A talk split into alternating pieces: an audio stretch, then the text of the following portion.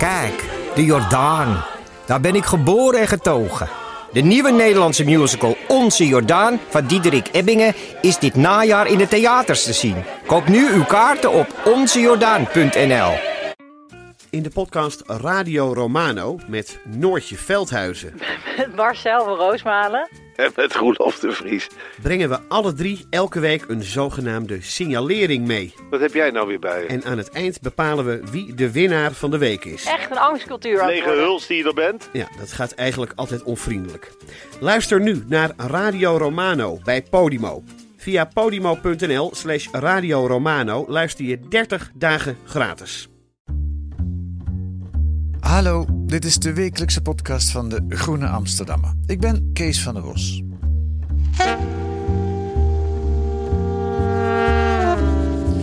Vandaag hebben we een echt kerstverhaal. Een sprookje over een heel bijzondere kroon. Een belangrijk stuk Ethiopisch erfgoed. Dat in een koffer onder een bed ergens in Rotterdam heel lang heeft liggen wachten tot er een fatsoenlijke regering kwam in Ethiopië die die kroon weer wil aannemen. En die regering is er nu. In elk geval volgens de huidige eigenaar van de kroon. Gaat die kroon nu terug naar Ethiopië? Daarover schrijft groene redacteur Roos van der Lind deze week in het themanummer van De Groene. Dag Roos, welkom in de podcast. Hi, hoi. Een echt kerstverhaal hè, is het. Het is een echt kerstverhaal. Ja, absoluut. En, en hoe ben je daaraan gekomen? Eh, dat was begin oktober verscheen er een bericht in de krant.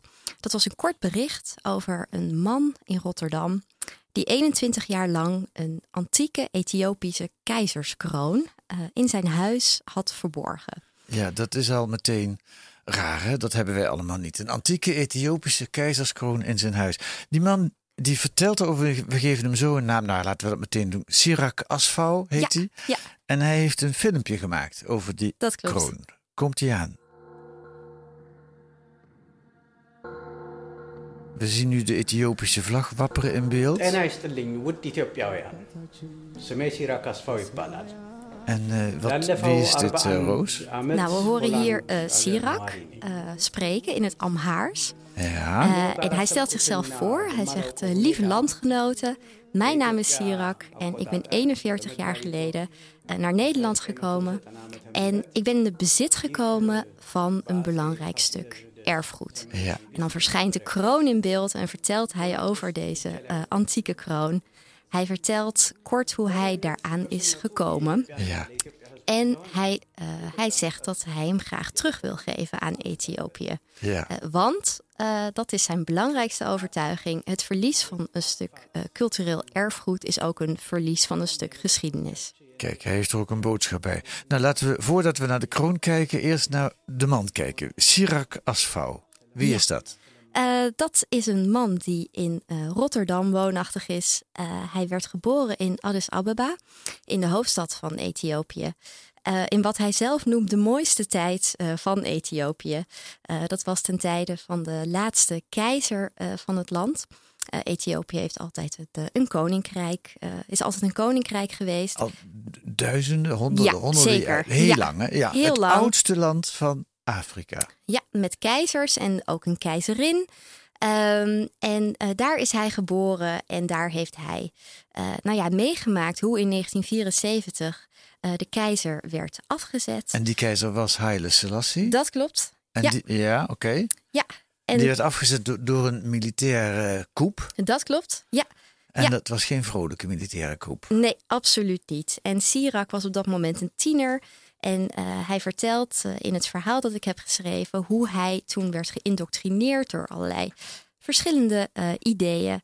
En ja, belandde eigenlijk in dat conflict als jongeling. Er waren veel opstanden van veel studentenbewegingen waren er, maar ook de boeren kwamen in opstand. Eigenlijk allerlei partijen kwamen daar met elkaar in conflict. Ja. En dat liep helemaal uit de hand. Zo erg dat Sirak een van de eerste was die besloot te vluchten. Klopt. Ja, ja, hij is op een Grieks schip eh, in 1978 aangekomen in Rotterdam, in de haven. Ehm, Zonder kroon. Zonder kroon, ja. de- Toen is hij eh, ja, wat, eh, vluchteling. Hij heeft de status gekregen. Klopt, Hij is gaan werken in Nederland na ja, een tijdje. Ja, wat, doet, hij- wat, doet, wat deed hij voor werk? Wat doet hij voor Hij werk? werkt bij een semi-overheidsinstelling. Oké. Ja. Ehm, goed, en hij was niet zomaar een vluchteling. Ja, hij was wel zomaar een Ja, hij vluchteling. was zomaar een vluchteling. Maar Ja. in zijn appartement in Rotterdam kwamen heel veel van de mensen die daarna uit Ethiopië vluchtten. En ook belangrijke mensen, ook diplomaten, de- k- Ja. eh, kwamen bij hem op bezoek, kwamen op doorstroom in dat appartement. Hij was een beetje een. Het werd echt een, een opvangplek voor mensen die Ja. aankwamen in Nederland. Ja. Eh, hij noemt het zelf, eh, noemde hij zijn huis het huis van Ethiopië. En zo voelde dat voor hem. Echt een plek die opengesteld was voor eh, mensen die hier terechtkwamen. En die eigenlijk nergens naartoe konden. Tot op een avond een gast bij hem kwam. En die ging slapen en die nam zijn spullen mee. En die nam pronkelijk ook iets mee van zijn vrouw, een werkstuk. En dat nam hij mee naar zijn kamer. Als ik het verkeerd vertelde, moet je me verbeteren. Ja, En Sirak ging zoeken eh, de volgende dag op die kamer. En die vond een koffer. klopt. En die maakt die koffer open. Ja. En wat zat daarin? Nou, grofweg is dat inderdaad het verhaal. En hij zag iets glimmen in de koffer. Eh, ik heb de koffer ook gezien. Ja. En eh, eh, hij dacht, ik zie hier iets wat hier niet hoort. Ehm, en hij, hij heeft de koffer opengemaakt. Het is een hele robuuste leren, eh, zo'n pilotenkoffer. Eh, zwart leer met grote gouden eh, gespen erop. Cijfer, cijferslot. En, maar hij kon hem van de binnenkant openmaken. En nou ja, ik heb gezien hoe daar het vloeipapier nu nog in ligt. En Ja. daar lag toen een kroon. Ja.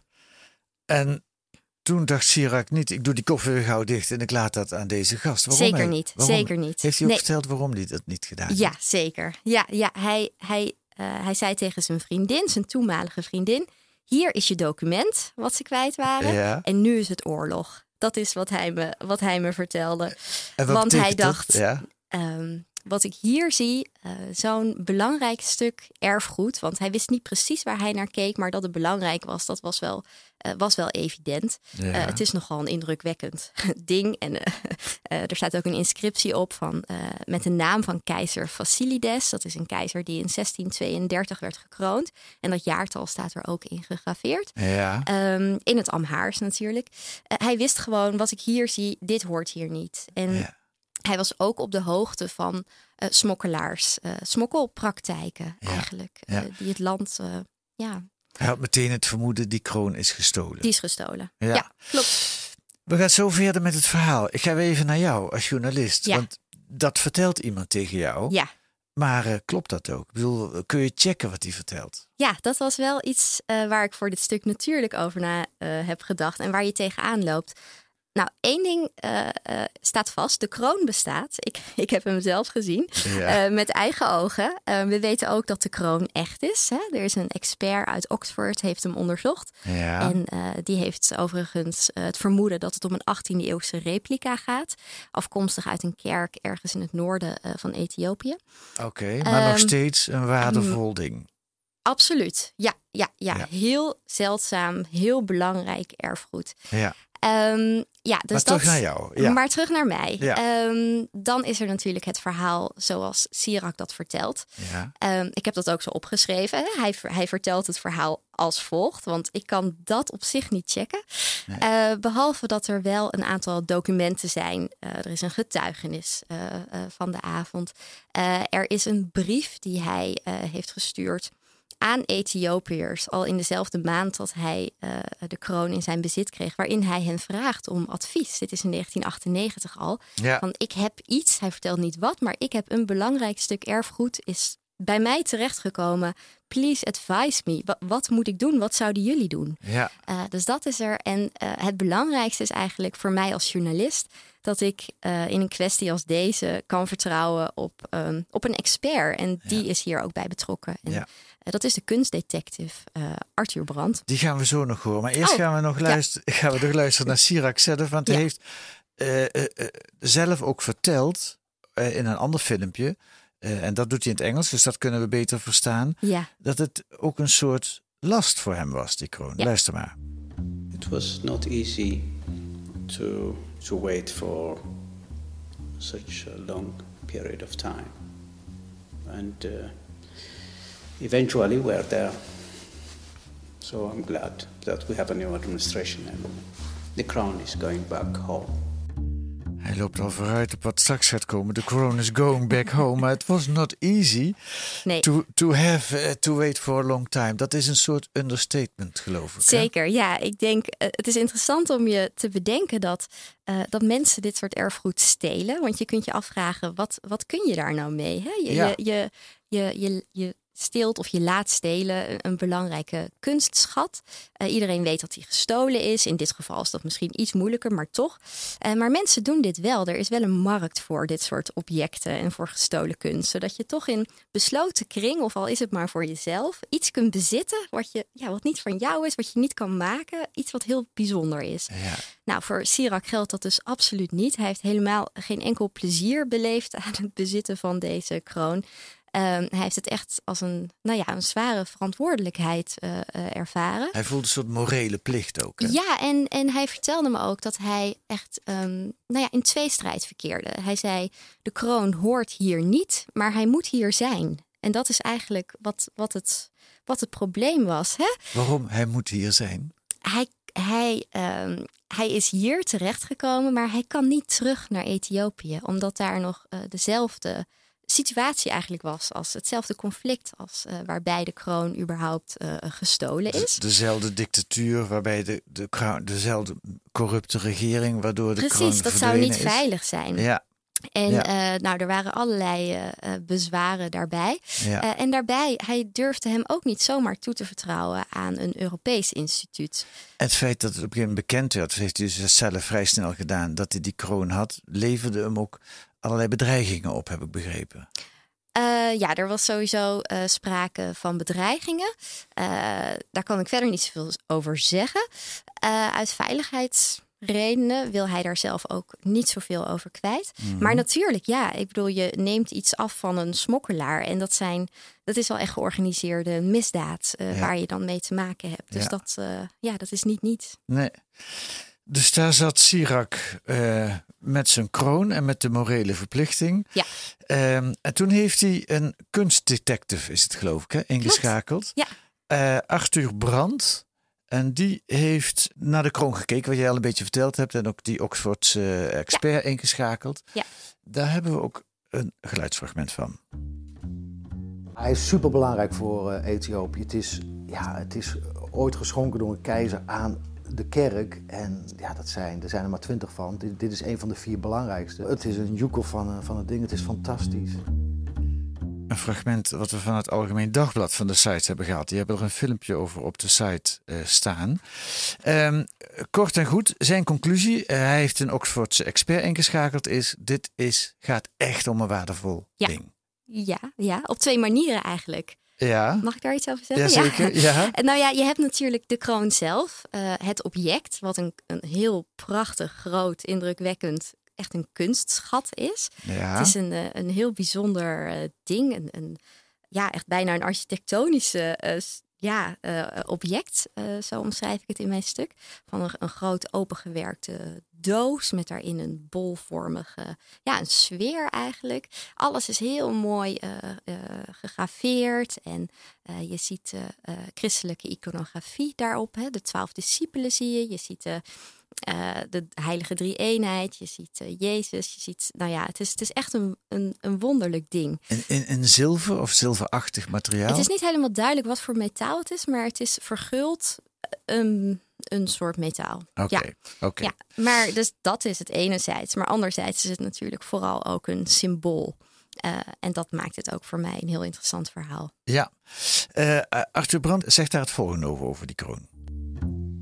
Hij is ergens tussen 1993 en 1998 gestolen uit de kerk in het noorden van Ethiopië. Want de laatste foto is een priester die die kroon draagt uit 1993. Sirac heeft hem 20 jaar in zijn bezit gehad. Hij heeft hem destijds gevonden in de koffer van iemand die bij hem op bezoek was. Hij was destijds gevlucht uit Ethiopië in zijn huis, in, in zijn appartement in Rotterdam.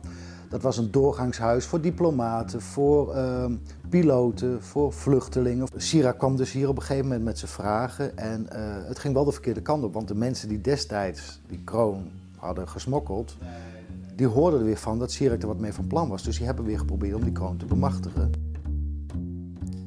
er komen met deze kroon een aantal verhalen bij elkaar. En een van die verhalen is de geschiedenis van Ethiopië.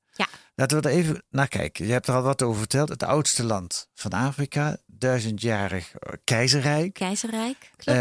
Eh, ehm, eh, tot 1974 een militaire dictatuur. Ja. Of tenminste, toen begon de militaire Toen dictatuur. begon dat. Zo ja. moet ik het zeggen. Ja. Eh, en dan ineens, in 2018, komt er een, een Abiy Ahmed Ali aan de macht. Ja. Eh, wie is Abiy Ahmed Ali? Premier Abiy. Ja, dat is een, eh, een man die een beetje uit het niets is verschenen. In ieder geval, zo heeft Sirak eh, dat zeker ervaren. En ook vele andere mensen. Ehm, het is iemand die zichzelf kandidaat stelde binnen zijn partij. En toen in heel korte tijd tot premier eh, van Ethiopië is verkozen. En dat was vorig jaar, in 2018. En hij heeft eigenlijk heel, in heel korte tijd veel grote veranderingen eh, nou ja, teweeggebracht. Hij heeft het conflict tussen Ethiopië en Eritrea beëindigd. En- Ja, en- dat en- is wel zijn grootste eh, verdienste misschien. Hij Ja. heeft eh, duizenden politieke gevangenen eh, vrijgelaten. Ehm, eh, er is een, een vorm van persvrijheid die, die eerder niet bestond. Hij heeft het wereldrecord bomen planten, las ik.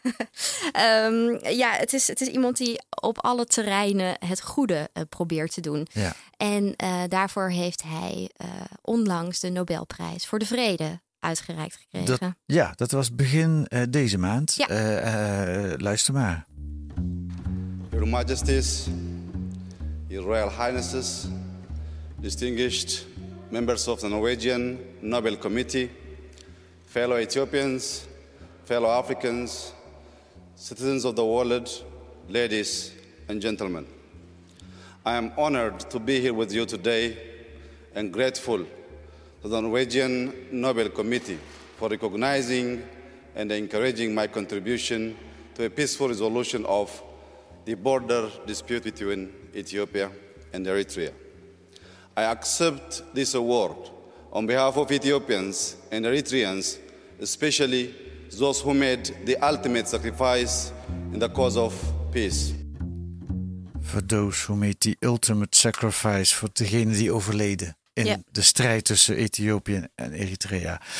Eh, dat was een paar weken geleden. Toen kreeg hij die, die Nobelprijs. Ehm, wat betekent dat nu? Gaat de kroon nu terug?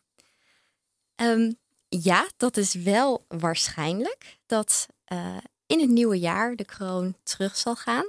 Ehm, dat is nog niet zo eenvoudig. Dit is een, een proces dat in voorbereiding is bij de Ethiopische en Nederlandse ministeries. Ja. Ehm, en ehm, ja, ik, ik, ga dat, ik word op de hoogte gehouden door Sirak en ik ga dat, eh, ik ga dat zeker volgen. ja. En, maar heeft eh, hij daar ook wat ja. over verteld? Eh, Hoe, gaat zoiets? Je wilt zo'n kroon terugbrengen. Hij neemt contact op met de Ethiopische regering. Hoe werkt dat? Nou, dat heeft Arthur Brandt eigenlijk. Die heeft die contacten ge- gelegd. Ja. Ehm, maar dat luistert ook allemaal heel nauw. Dit is, dit is ook een diplomatieke kwestie. Ja. En ja, dus daar kan ik inhoudelijk niet zoveel over zeggen. Behalve dat ik dit eh, echt ga volgen. Ja. Ehm, en ik sprak Sirak vanmorgen nog aan de telefoon. En, en wat hij zei, wat hij eigenlijk nog miste, een beetje in mijn verhaal, was de rol van Nederland. En dat hij hoopt dat deze kroon, eh, nou ja, iets kan betekenen voor de vriendschap en de relaties en de, de verbintenis tussen Nederland en Ethiopië. Eh, want, zegt hij, als Nederland mij niet had opgevangen en niet op deze manier eh, ja, een thuis had geboden, dan was ik hier niet geweest. Dan was de kroon niet op deze manier gered. Dus hij vindt ook dat in de teruggave van de kroon aan Ethiopië, dat daar iets, nou ja, iets moois uit moet komen voor de eh verbintenis tussen de twee landen. Dat duidt op een soort ceremoniële overdracht die er volgend jaar wel eens zou kunnen gaan plaatsvinden. Dat zou kunnen. Ja, En dan tot slot, een, want dit is het happy end van het verhaal. dit is het kerstverhaal. Dit is ja, het kerstverhaal. De meest recente ontwikkelingen in Ethiopië Ja. zijn wat minder gunstig. Absoluut. Vertel ja, eens. zeker. Ehm, nou ja, er is, eh, er is heel veel onrust. Er is opnieuw, eh, er zijn veel verschillende groeperingen, partijen die ehm, met elkaar overhoop liggen eigenlijk. Ehm, dat merkte je ook. Uh, in media is daar veel aandacht aan besteed rondom de Nobelprijs aan premier Abiy. Er is ook wel gezegd, heeft hij de prijs te vroeg gekregen? Eigenlijk net als wat bij president Obama ook, ook werd gezegd. Is het, wel is het meer een aanmoediging? Is, het al, is hij al wel rijp om op deze manier beloond te worden? Ja. Maar het is een land met een ontzettend complexe geschiedenis. En um, ja, ik, ja, het zou zomaar kunnen dat die voortduurt. Ja, ja. Dus dat is het minder happy end ja. van ja. dit verhaal. Ja. Maar de kroon gaat terug. Dat is de bedoeling. Dankjewel, Roos van der Lind. Allemaal te lezen deze week in de Groene Amsterdammer.